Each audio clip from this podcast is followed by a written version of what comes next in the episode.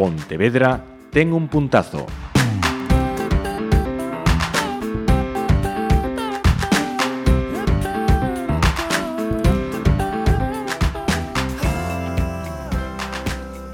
Comezamos este programa do Puntazo para falar eh, dunha iniciativa que vai ter lugar este mércores 27 ás 20 horas na Casa da Luz. O motivo, pois a entrada en vigor o vindeiro luns desa nova Lei de Espectáculos de Galicia. Así que eh, imos falar desta cuestión cunha experta que temos aquí en Pontevedra e que vai ser a persoa que participe nesa xornada divulgativa alrededor desta lei. Patricia Armida, benvida. Moitas grazas. Patricia, eh, eres eh, manager, productora e eh, abogada especializada en dereitos de autor, así que penso que unha voz máis que autorizada para falar desta normativa que mm, virá recibida eh, ben recibida ou, ou con receos e, e temores por persuizos posibles? bueno, esa é a gran pregunta, non? Eh, o certo é que sí que eu penso que, que é moi necesario ter unha lei eh, pero sí que tamén, eh, digamos, eh, precisamos eh, dos instrumentos eh, precisos para poder entendela e saber en, en que pode afectarnos no desenrolo da nosa actividade. E iso que vamos a pretender expoñer un pouquiño mañán, eh, sempre abertos ao diálogo para que calqueira poda expoñer o seu caso e tentar axudar a todo aquel posible que, que teña algunha dúbida para, para poder eh, desenrolar o seu traballo. Uh -huh. a, a priori, eh, como experta na materia que sinalaba antes, eh, ti pensas que, que pode ter eh, máis benvidas eh, que rexeitamentos ou viceversa?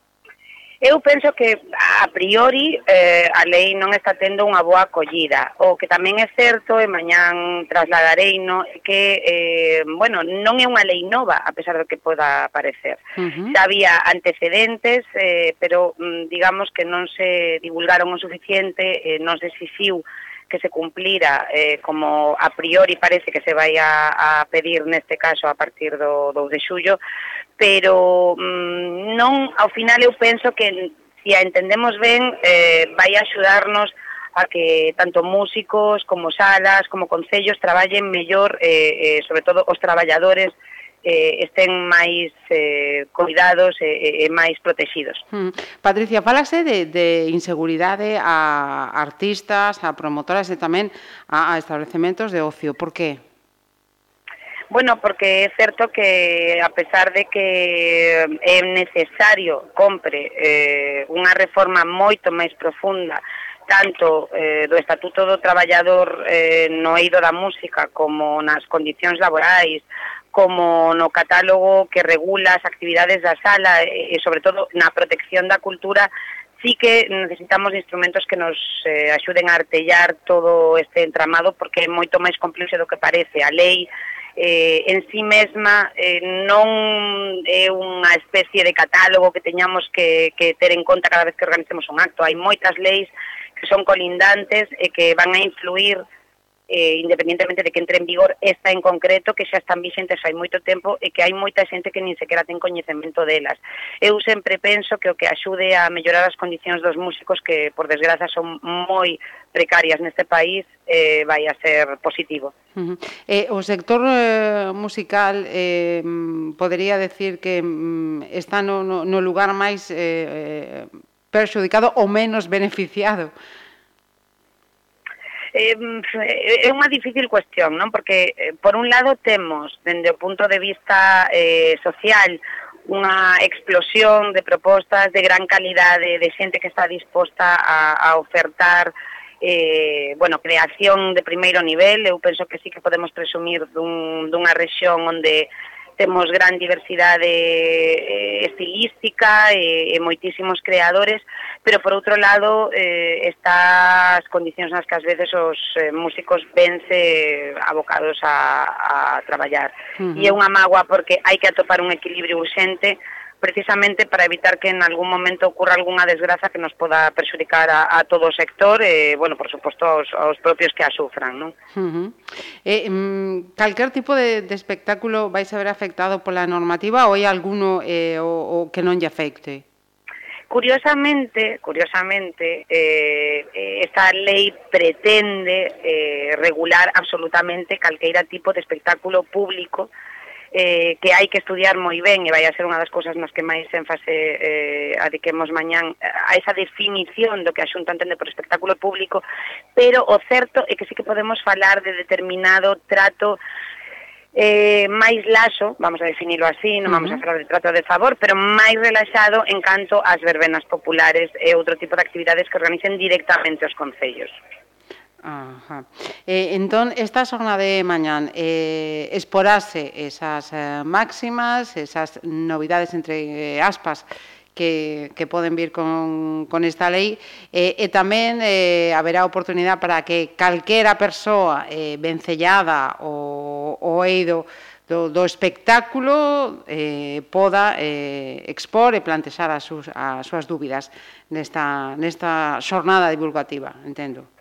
Sí, sí, sí, tentaremos, por suposto, dar eh, pois solución a todo, eh, senón levamos os deberes para casa. eh, o importante, eh, entre todos e todas, intentar eh, discernir e debatir sobre aqueles aspectos que nos preocupan, sobre todo porque um, algo que sí que se votou en falta foi a falta de, de consenso na presentación da, da propia lei, non? O non contar con determinados sectores que para min son fundamentais na construcción dun, dunha lei e dun posterior regulamento que vai a afectar a toda a actividade, eh, non poder ser, eh, pois digamos, conscientes dende un primeiro momento do que se estaba artellando. E eso, bueno, como todavía está por sair o regulamento da propia lei, quizás si somos conscientes do que temos que pedir, podemos juntarnos, facer máis forza e máis ruido e se nos pode explicar. Uh -huh. E, e cales, eh, unha dúda con, con ese último que estabas a falar, cales eh, foron eses sectores cos que non se contou para facer esta, esta lei? Mira, por exemplo, eu, eu podo decir que estiven presente nunha primeira eh, xuntanza que se fixo con algúns dos sectores, eu estiven por parte da Asociación de Managers, pero tamén estaba por nomear a un ou a dous, vamos a nomear a dous, que para mí son fundamentais, eh, Clubtura, que é a única asociación que existe de salas eh, de música ao vivo aquí en Galicia, eh, músicos ao vivo, músicas, perdón, que agora uh -huh. denominase músicas ao vivo, eh, que estivemos nesa primeira xuntanza, pero é certo que non se contou con, con nos nunca máis, non? Eh, presentouse noso borrador, eh, non tivemos a ocasión de volver a, a dialogar cos representantes da xunta para transmitir as nosas inquedanzas. Eh, unha lei eh, que unha das partes eh, sobre as que versa máis son as salas, debería ter unha representación constante no negociamento da Asociación de Salas. Para min é algo fundamental. Uh -huh. Penso, penso que sí, Patricia. Pois eh, agardamos eh, voltar a unha próxima mm, oportunidade para falar con Patricia porque seguro que conta moitas cosas eh, interesantes. Patricia, polo, polo de agora, moitas grazas por hacernos cando, un boquiño. Cando que irades, eh, repetimos e invito vos a todos a que veñades mañán para que podamos entre todos arroxar un pouco de luz.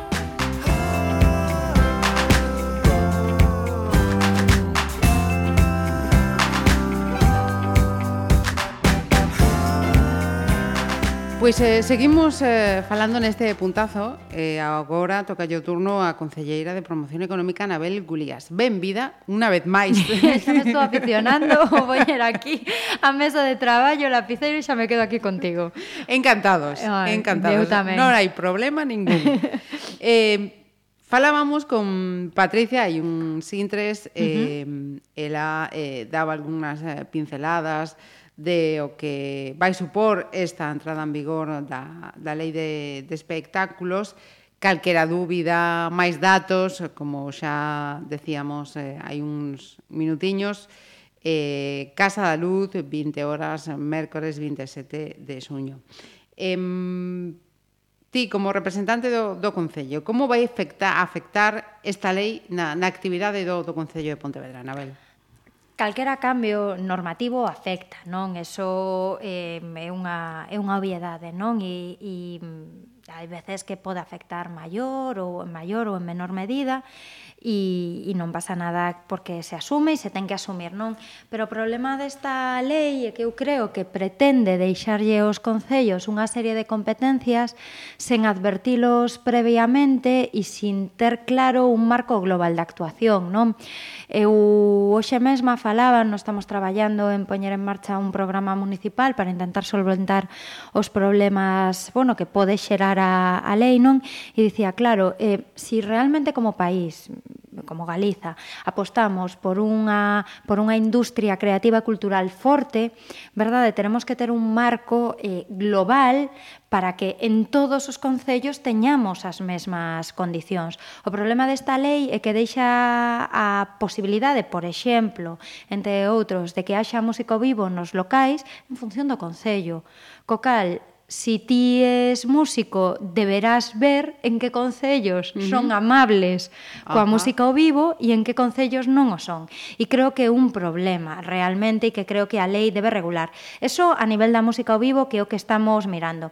Todo que sexa, e, e falábamos agora, e eu estuve en algún foro, incluso con representantes da Xunta de Galiza, nos non lle poñemos problema ao control e a seguridade, e estou segura que ningún eh, actor implicado nesta lei lle vai a poñer ter problemas porque necesitamos unha seguridade. O problema é cando non regulamos exactamente en que consiste esa seguridade ou facemos eh, un caixón desastre no que colla todo, non? E iso uh -huh. creo que é un problema. E por último, outro dos problemas que ten a lei é a nivel urbanístico, non? Pois eh, em, eu que agora tamén levo esa área, pois eh, costoume moito poñerme o día, non con todos os cambios normativos e con unha normativa que ten que existir, ninguén di que non, pero que é excesivamente farragosa, non? E refírome isto porque eh, esta lei cambia o que eh, establecía a lei de emprendemento que era apertura de locais por comunicacións previas e ora fala de declaración responsáveis. Pero é que máis, esta lei regula incluso o tema das terrazas, dos veladores e eu mesma cando redactei, bueno, o equipo que o redactou, uh -huh. eu non fixen nada de redacción, pero cando estábamos mirando o tema da, da ordenanza de veladores, tivemos que engadir unha disposición transitoria en eh, relación a esta lei para que non entrase en vigor ata que a lei se aprobase porque a lei establece uns temas en relación cos seguros, non? E tamén afecta as inspeccións, os controis e é o que sempre demandamos, non? É dicir, o problema non é que o Concello eh, o teña que facer, o Concello pode asumir esa competencia e asume se a ten que asumir, pero estamos falando dun debate que se produce como illado, non? Uh -huh. Cada concello que regule, cada concello que teña que facer as súas inspeccións e demais, no caso das inspeccións, pois Pontevedra non ten problema porque xo facemos, non? Pero sí que imagino que para os concellos pequenos uh -huh. o mellor sí que lle resulta problemático, non o sei, non? E algún concello que estaba na reunión amosaba pois as súas discrepancias con uh -huh. iso.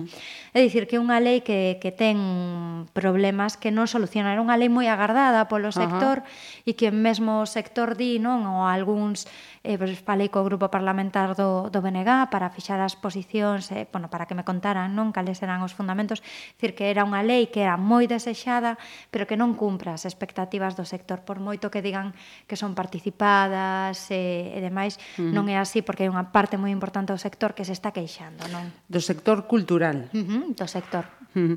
eh, mm, voltando de algún xeito a, a pregunta que, que facía o, uh -huh. o comezo, con tanta actividade cultural rural eh, que ten o Concello de Pontevedra, xa en pleno verán eh, a máis, eh, vai supor modificar eh, algún dos eventos planificados ou non? Non, non porque, como digo, dentro do Concello sempre tivemos, non?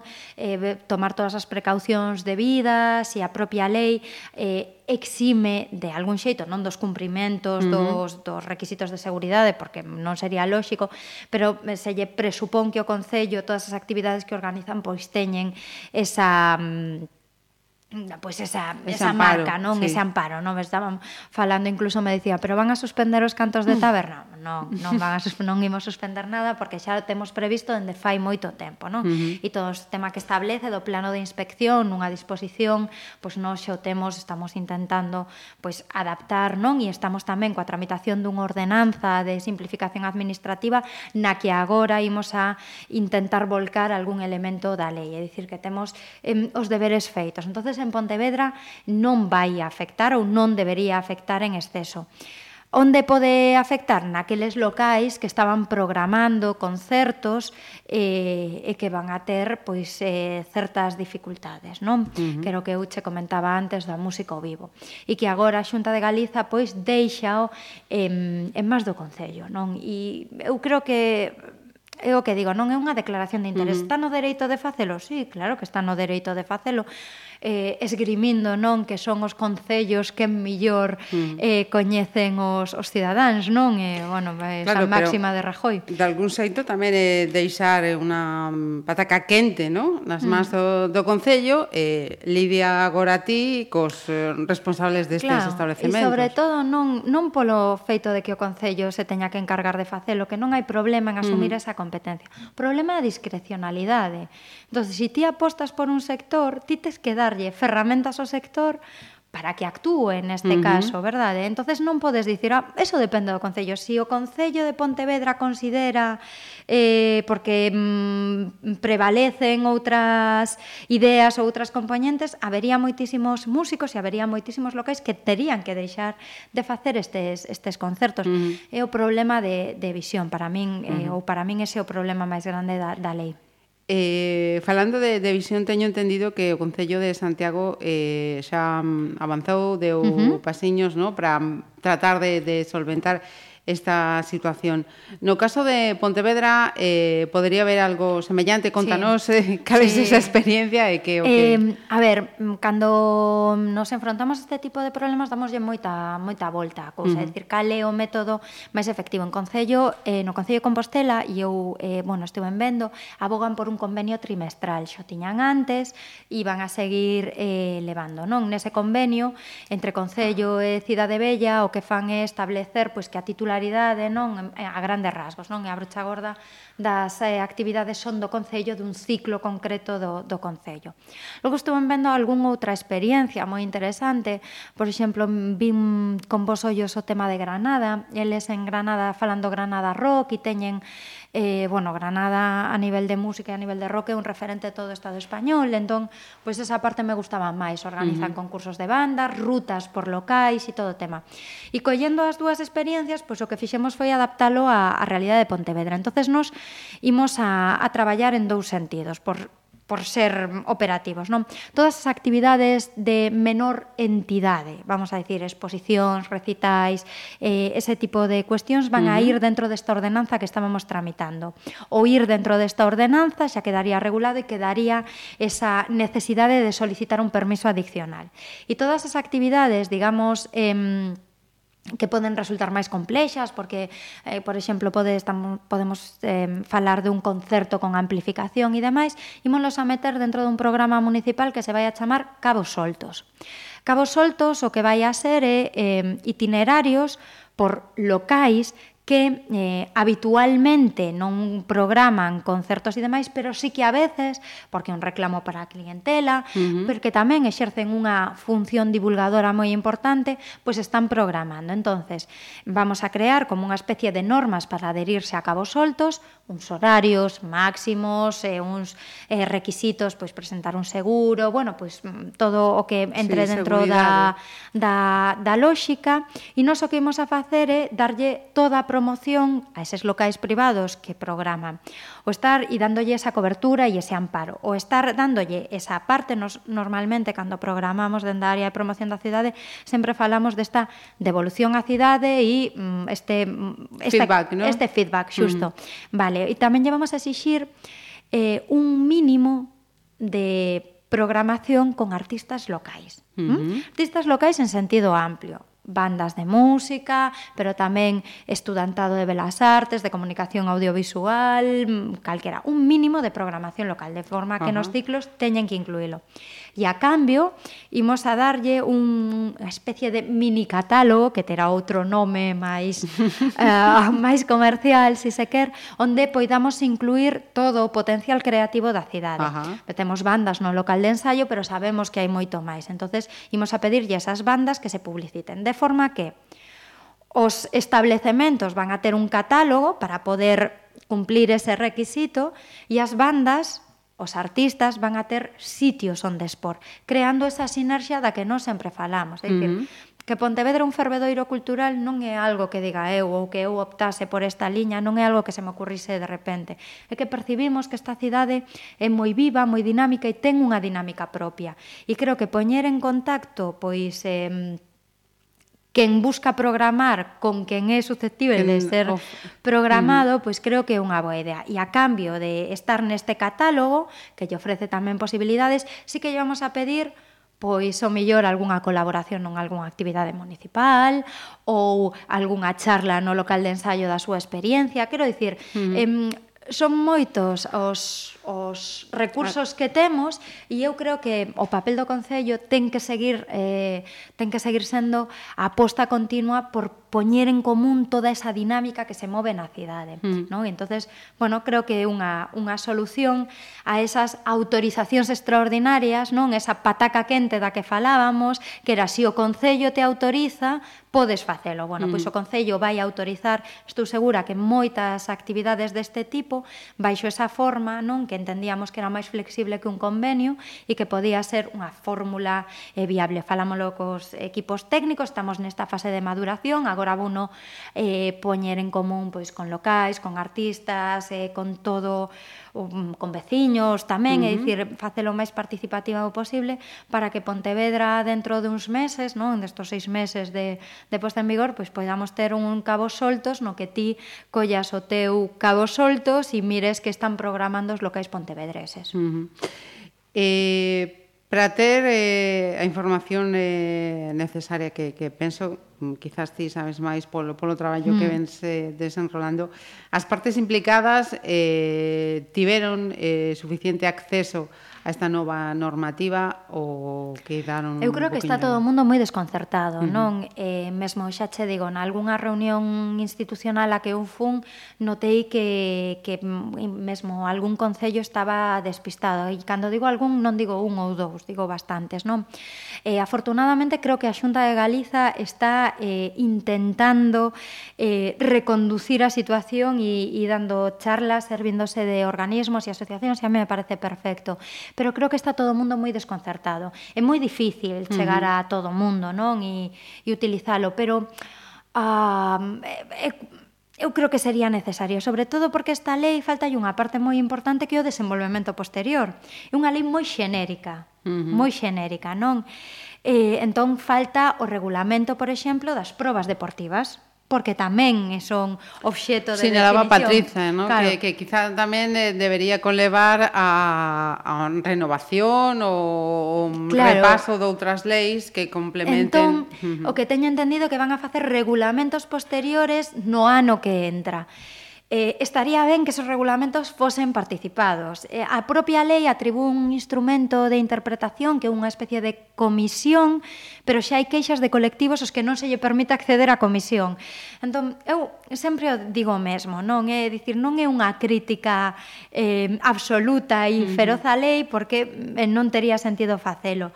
Pero é moito máis sinxelo construir entre todos e escoitar sin medo que facer unha lei e dicir que é maravillosa, porque antes xa se estaba facendo así.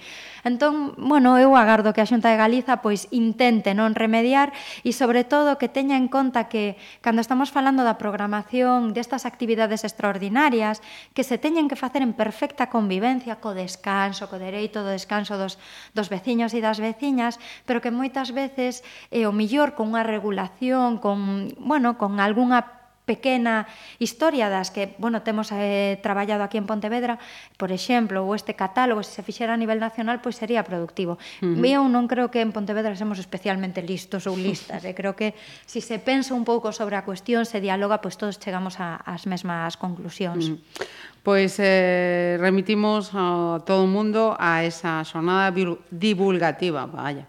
Mércores 27, 20 horas, Casa da Luz.